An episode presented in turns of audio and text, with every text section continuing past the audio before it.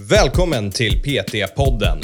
Podcasten för dig som vill lära dig mer om träning och hälsa. Mitt namn är Karl Gulla och jag är utbildningsansvarig för Sveriges största PT-utbildning, Intensiv PT. Ja, men den här muskeln ska du känna dig i och så sätter man ett finger kanske mellan skulderbladen och så säger man ja, men dra ihop skulderbladen. Känner du musklerna hur de jobbar här? Eller hur man sätter dem till exempel på biceps och säger men spänn din biceps hårt och då blir det att den här taktila feedbacken, för det är ju vad taktila cues handlar om, att ge en taktil feedback så man har den här känslan av mekanisk beröring. Och den här mekaniska beröringen gör ju då att man kan styra sitt fokus till den här enskilda ja, men muskelgruppen eller till den här enskilda leden eller rörelsen eller vad det nu gäller.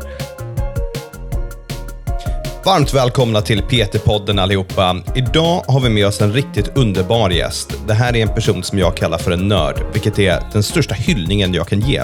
Eh, Tommy Westergren, han har koll på allt. Och när jag säger det, då menar jag verkligen typ allt. Det, det är någon som har koll på läget. Um, idag har vi med honom här i PT-podden och han ska berätta om coaching cues. Eller vi, vi kommer faktiskt diskutera coaching cues. Så det blev en lång konversation, så den är uppdelad i två sektioner. Det första avsnittet här, det handlar om de här klassiska verbala, visuella och taktila cuesen. Så ska vi diskutera dem, lite för och nackdelar, när de ska användas och så vidare. Och det, även om det här är någonting som inte är särskilt komplicerat så är det något som tål att repeteras och det tål verkligen att höra Tommys tankar om ämnet. Nu, det är avsnitt ett. Avsnitt två, då går vi in och pratar om interna och externa cues. Och det är en helt annan typ av dialog. Den är väldigt, väldigt givande. Så även om avsnitt ett är ganska kul så skulle jag faktiskt vilja påstå att det är avsnitt två som är riktigt bra och den kommer ju då nästa vecka. Så nu hörni, vi kör igång direkt. Nu lyssnar vi på Tommy. Tommy, varmt välkommen till PT-podden. Tackar, tackar. Det var, det var ett tag sedan. Jag var ju med i typ ett avsnitt där på 15 avsnittet eller någonting för typ två år sedan. Ja, det var eh, en stund sedan du var med. Jag, jag kommer typ inte ens ihåg vad det var vi pratade om. Gör du det? Mm, någonting PT online, tror jag. Jag tror också det. Jag vill också minnas att det var, var PT online-orienterat. Men nu är du tillbaka. Men det, vi ju, alltså, det var ju sjukt länge sedan du var med och nu har vi fått alltså, tusentals nya lyssnare sedan dess. Så ge alla en snabb liten brief om vem du är och vad du gör. Um, ja du, jag heter Tommy Westergren. Jag jobbar här på IPT som kursansvarig och föreläsare. Så det mesta av kursmaterialet är jag som håller det uppdaterat. Det är jag som ser till att allting stämmer och flyter på med vårt kursmaterial. Uh, uppdaterar vår examination och roddar den. I grunden har jag en kandidatexamen och en master i idrottsvetenskap och jag har jobbat med träning, som jag alltid säger, i hela mitt vuxna liv. Jag fyller 29, precis som Karl gör i år, så det är tio år i branschen. Ja, det är sjukt lång tid. Jag, jag tror att första gången du var med så var det typ, här har vi support om mig, varsågoda nu kör vi. Men du har, du har både alltså, visat otrolig kunskap sedan dess, men också Alltså, utbildningen är ju helt annorlunda än vad det var för ett år sedan. Vilket, vi ska göra ett separat avsnitt om det, men det, det är ju 100% tack vare att Tommy har kommit med riktig kompetens och bidragit och sagt nej hörni, nu ska vi lägga till massa smarta saker. Så som du kom in kan jag säga att den här utbildningen har blivit garanterat tio gånger bättre. Det är jag inga tvekan om överhuvudtaget. Yes. Jag brukar säga att jag är utbildad. Karl kallar mig för en nörd. Jag nörd. antar att det, det stämmer ganska bra ändå. Vill du berätta om det där skämtet som du nyligen drog? här i Facebook-chatten som fick mig att kalla dig för en nörd. Uh, vad var det? Ja, just det, jag frågade om du hade sett One Punch Man. Vilket jag hade. Och du har sett det. Och Karl hade gjort en YouTube-video till vår övningsbank där han gjorde dumble front races med hantlar. Vilket är lite onödigt att skriva ut att det är med hantlar. Ja, jag reagerar mest på din Sonic X, att du satt och sågade ner det namnet. För att Sonic Speed fanns till och med i namnet av det. Och tänkte, Ja, speed of sound Sonic. Själva skämtet är att Sonic betyder ju ljudets hastighet, så jag tyckte det var kul.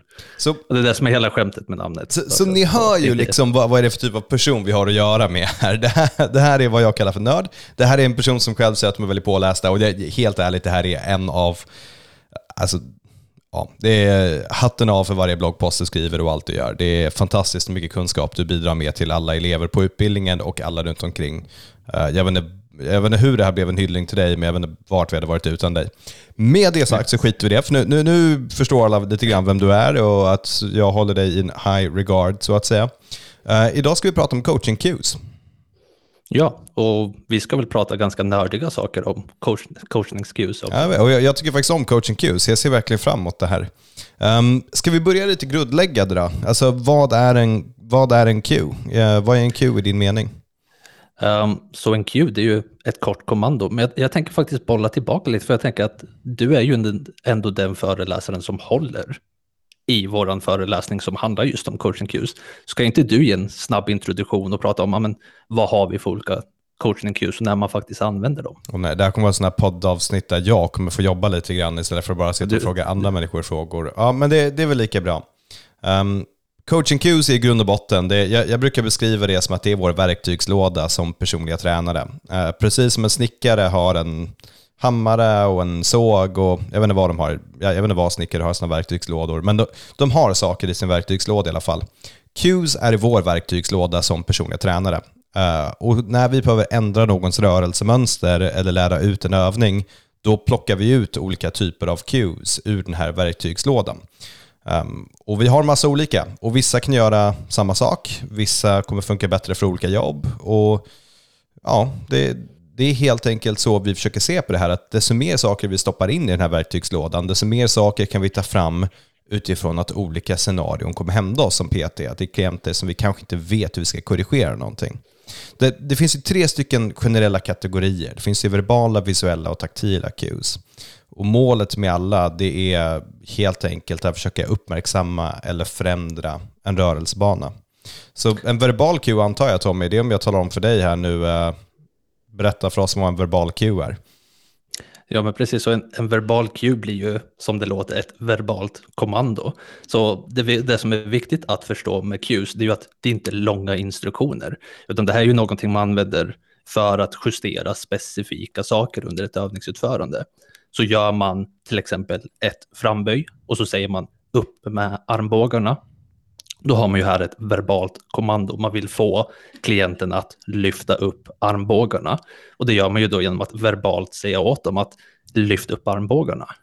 Precis, de ska vara korta och tydliga och gärna ha med direktiv. Så det finns liksom vissa olika här som kan vara konstiga, typ med så här, ja, men upp med armbågarna, om jag bara säger tänk på armbågarna. Då är det så här, okej, okay, men vad, vadå tänk på mina armbågar? Vad Precis, snackar du om? För det är ju inte specifikt nog. Exakt, och det, och det är inte mer riktning och det brukar hjälpa också. Alltså en riktning och en kroppsdel och vad man ska göra, liksom ett direktiv och så kort och tydligt. För en verbal cue, det är egentligen inte samma sak som att förklara för någon, typ nu ska vi göra knäböj, jag vill att du tänker på att stå ungefär axelbrett, jag vill att du tänker på att spänna magen, du ska sträcka på dig. Även om det är verbala cues, så i, i det här sammanhanget, det är liksom det där är mer en förklaring av en mm. övning. Mm. Sättet vi ska försöka använda verbala cues, det är ponera att en klient gör en frontböj här, en front squat, och deras armbågar trillar ner jättemycket så de blir framåtlutade och tappar stången. Du ska liksom kunna vara på andra sidan salen och bara skrika “Karl, upp med armbågarna”. Det är så vi använder en verbal cue. Det ska vara kort, tydligt, eh, det är inte en lång, lång, lång förklaring helt enkelt, utan det används ofta i rörelse. Precis, så man måste skilja på en cue som ett kommando och en instruktion. Cues kan inte vara förklarande, de måste vara beskrivande, men de kan inte vara förklarande. Ja, precis. Korta, tydliga, gärna med ett direktiv.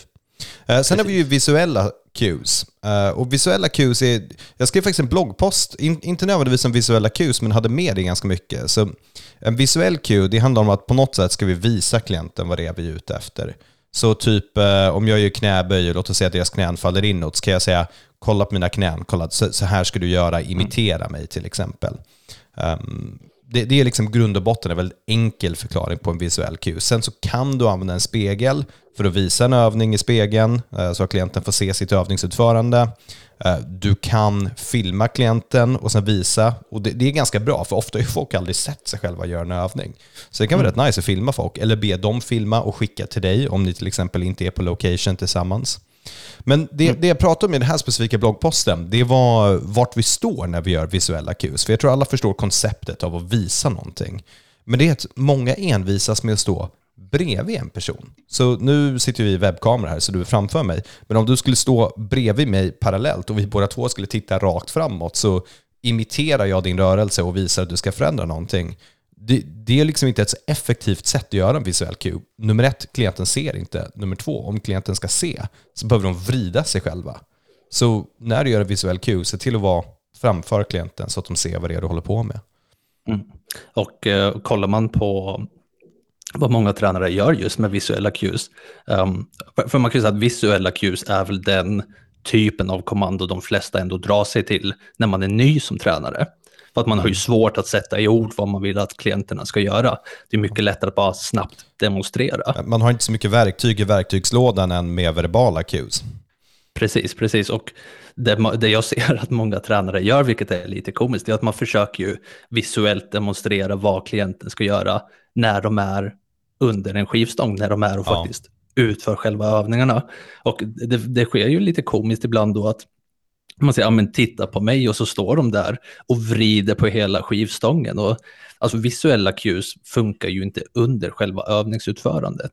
Nej, precis. Det, det är väl mer av en förklaringsverktyg. Um, vi kan använda det för att säga, men efter ett sätt säger man, fan vad grym du var, men du kolla här, jag gör så här, du, jag vill att du gör så här istället. Mm. Uh, mm. Eller när du håller på att förklara en övning, då, och bara visa ett knäböj det är ju inte direkt en visuell cue, för en cue kanske ska vara lite kortare, men det, det är mm. ju en viss beskrivning av hur övningen går till. Um, mm. Så det, det, finns en stor, fin plats för visuella cues, men det är inte när klienten utför ett övningssätt. Nej, absolut inte. Och sen det typiska med visuella cues är också att man säger du gör så här, titta, så här gör du, så mm. här ska du göra det. Ja. Och då blir det ju ändå att man lyckas kontextualisera det här, den här cuen för, så det faktiskt blir relevant för klienten också. Ja, absolut. Och, och jag vill lyfta upp en sista gång också, bara filma klienten och visa vad de gör. För det är mm. galet bra att göra det. Um, folk tycker om att få se sig själva prestera. Uh, varför inte ge dem den möjligheten att vinna, helt enkelt. Mm. Mm. Helt klart, helt klart. Och jag skulle vilja säga att egentligen, alltså video, att använda video som ett verktyg, det är nog mycket effektivare än att försöka själv demonstrera för klienter. För att du vet att folk, folk har ju olika alltså olika förmågor för att ta till sig olika typer av cues. Och just visuella cues, det, det är för vissa väldigt svårt mm. när de själva inte får känna på när de själva inte får se sig själv göra grejen. Det är svårt då att se de här nyanserade skillnaderna i rörelsemönster när en annan person, och i det här fallet oss tränare, försöker demonstrera det. Ja, det, det, kan vara bra att visa och säga härma. Det, det, kan funka i vissa fall. Men ett ganska praktexempel vi tidigare har gjort på praktiska helger när vi haft olympiska lyft, det är att man kanske visar ett ryck eller stöt och säger okej, okay, mm. men härma mig, kan ni göra likadant? Och då är det ju uppenbart information overload, för det är väl väldigt få människor som kan bara se ett ryck eller en stöt, sen härma den perfekt. Liksom. Uh, mm. Så det är även där att bryta ner det i små segment och vara så här, visar du någonting, påpeka vad det är de ska titta på. Uh, kolla mm. på min höft här, kolla på mina knän här, kolla på mina axlar, kolla hur jag roterar. Liksom, du kan betona det med ord, men försök att inte använda för mycket ord så att din röst tar över, utan ge dem en chans att titta. Precis, precis. Så den sista, det är min favorit, det är taktila cues. Eh, det handlar om att vi ska på något sätt skapa en känsla hos klienten så att de förstår vad det är vi är ute efter i en övning. Så om man tar till exempel att vi ska brösta upp i ett knäböj eller vi ska vara uppräta. Låt oss säga att vi gör en high bar back squat och vi vill vara vertikala med överkroppen och vi har en klient som faller framåt väldigt mycket med överkroppen, vilket kommer troligen då inte vara optimalt om de försöker göra just high bar back squats. Då kan till exempel det vara att man säger, vet du vad, vi ska göra knäböj, vi ställer oss mot en vägg, sträck på dina armar mot den här väggen och så gör du ett knäböj samtidigt som du liksom sträcker dina armar mot väggen. Och vad ska de se, de kommer inte komma så djupt, de kommer ju känna att det händer någonting i kroppen när de gör det här. De kommer känna att de bröstar upp, de kommer känna anspänning i platser de inte visste att de hade. Så kommer man bara förstå, aha, det här är vad de menar när de säger bröstar upp. Jag ska ha den här sortens anspänning. Ja, okej, okay, coolt. Och det där upplever jag, det är ett extremt kraftigt verktyg. Och det, man kan ju skapa rörelse, man kan stoppa rörelse, man kan påpeka saker genom det. Eh, du kan ju gå in och göra manuell beröring, så låt oss säga att någons knän trillar in i ett knäböj jättemycket. Då kan du sätta dina händer på knäna och säga tryck ut mer knän. Um, jag, jag, gillar verkligen taktila cues. Vad roligt för att eh, det är den typen av cues som jag ogillar mest av alla. Det är för att du inte gillar att röra folk. Men jag, jag tycker om att prata och jag är duktig på att beskriva saker så folk verkligen förstår, det, förstår sig på det. Men jag tycker just begränsningen med taktila cues är ju i de här mer komplexa rörelsemönstren. Mm. Knäböj, bänkpress, alltså sånt som ja, man ska inte behöva tänka så mycket på vad som sker i själva kroppen när man gör dem. Mm. Utan man måste ju lära sig att utföra själva rörelseuppgiften som är det här rörelsemönstret. Och taktila blir ju då ja, men det är väldigt enkelt att man då fastnar på själva känslan, att man får det här starka interna fokuset, att man fastnar i just vad det är, alltså hur det då ska kännas, typ hur ska det kännas i knäna, hur ska det kännas i fötterna för att man är där och petar. Så jag tycker att taktila cues är mer, det är mer bodybuildarinriktat nästan skulle jag säga, där man är och betonar så här, men den här muskeln ska du känna dig i och så sätter man ett finger kanske mellan skulderbladen och så säger man, ja men dra ihop skulderbladen, känner du musklerna hur de jobbar här? Eller hur man sätter dem till exempel på biceps och säger, men spänn din biceps hårt och då blir det att den här taktila feedbacken, för det är ju vad taktila cues handlar om, att ge en taktil feedback så man mm. har den här känslan av mekanisk beröring. Och den här mekaniska beröringen gör ju då att man kan styra sitt fokus till den här enskilda ja, men muskelgruppen eller till den här enskilda leden eller rörelsen eller vad det nu gäller. Och det finns ju då såklart, som du säger, det är ju ett kraftfullt verktyg för att betona enskilda segment eller enskilda rörelser. Men det är ju samtidigt där i begränsningen ligger i för att tar man knäböj, tar man marklyft, att det är ju inte en enskild sak man gör då. Utan man precis, men, men, det kan vara en enskild grej som folk tänk, behöver fokusera på. Så låt oss säga att man tittar upp i ett marklyft hela tiden. Mm. Och tar en penna och lägger den under halsen och säger kläm fast den här pennan. Så att de tittar ner till exempel och håller en neutral nacke istället. Det är ju ett exempel mm. på en verbal cue. Så det, det, kan användas på många sätt. Men det, det som jag upplever funkar bäst, det är om man tar de här taktila cuesen och så kopplar man det med en verbal cue. För då lär de sig, okej okay, den här känslan är vad den här cuen betyder. För då när man ger verbala cuen så kommer den vara mycket starkare. Så där får man väl helt enkelt försöka testa sig fram lite grann och se vad, vad det är som funkar bäst. Är, man kan ju också ändra stångbanan och sådana saker. Att om en klient gör knäböj och stången, eller bänkpress till exempel och stångbanan är åt helvete, kan du gå in och blocka stångbanan till exempel och säga men det här är hur vi ska gå. Det är också exempel på en taktil cue. Så vi behöver mm. inte begränsa oss till enskilda muskler, utan det kan ju vara betydligt mycket mer komplicerat än det. Mm. Och då inte för att ha för bråttom i det här samtalet, men det är just där också man ser hur kontextberoende cues ändå är. Det gäller att man väljer rätt cue för rätt person vid rätt tillfälle. Absolut. Absolut, superviktigt. Och den stora grejen här, det är så det här är ju de verktygen vi har. Vi har våra verbala, visuella och taktila cues. Och I stort sett alla sätt vi lär ut någonting kommer bygga på att vi använder de här tre cuesen på lite olika sätt. Um, något vi märker är att om folk inte använder cues överhuvudtaget, då får de inte så mycket taktil feedback på vad det är de faktiskt ska göra överhuvudtaget. Och då, då får man verkligen bekräftelse på att man gör rätt. För en verbal cue kan ju också vara fan vad grym du är, bra jobbat, skitbra, fortsätt mm. sådär. Det kan ju också vara en typ av verbal cue. Så mm. det, det, finns ju en viss risk om man inte använder det här överhuvudtaget, att klienten vet inte vad de gör.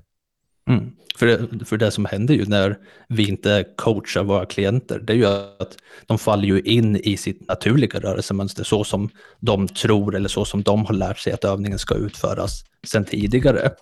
Och om det då kanske inte är hur ska man säga, så, ett optimalt övningsutförande, ja, men det kan ju bli ett problem för dem då. För att de får ingen återkoppling, de vet inte, gör de rätt, gör de fel? Och då fortsätter man ju bara att göra det på samma sätt som man alltid har gjort det. Mm. Ja, det är väldigt spännande här och nästa del av konversationen som vi kommer gå in på, det är hur man skiftar sitt fokus egentligen. Och det, det är ju interna och externa cues.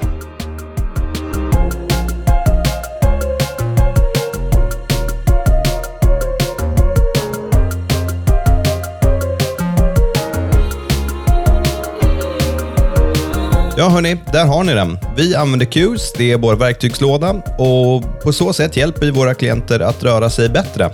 Nästa vecka, då är Tommy tillbaka och då kommer vi prata om interna och externa Qs. Och det är ett sånt samtalsämne som gjorde mycket för min coaching, hur jag hjälper människor att röra sig bättre helt enkelt. Så vi ser fram emot den. Tills dess, ha det fint. Vi hörs.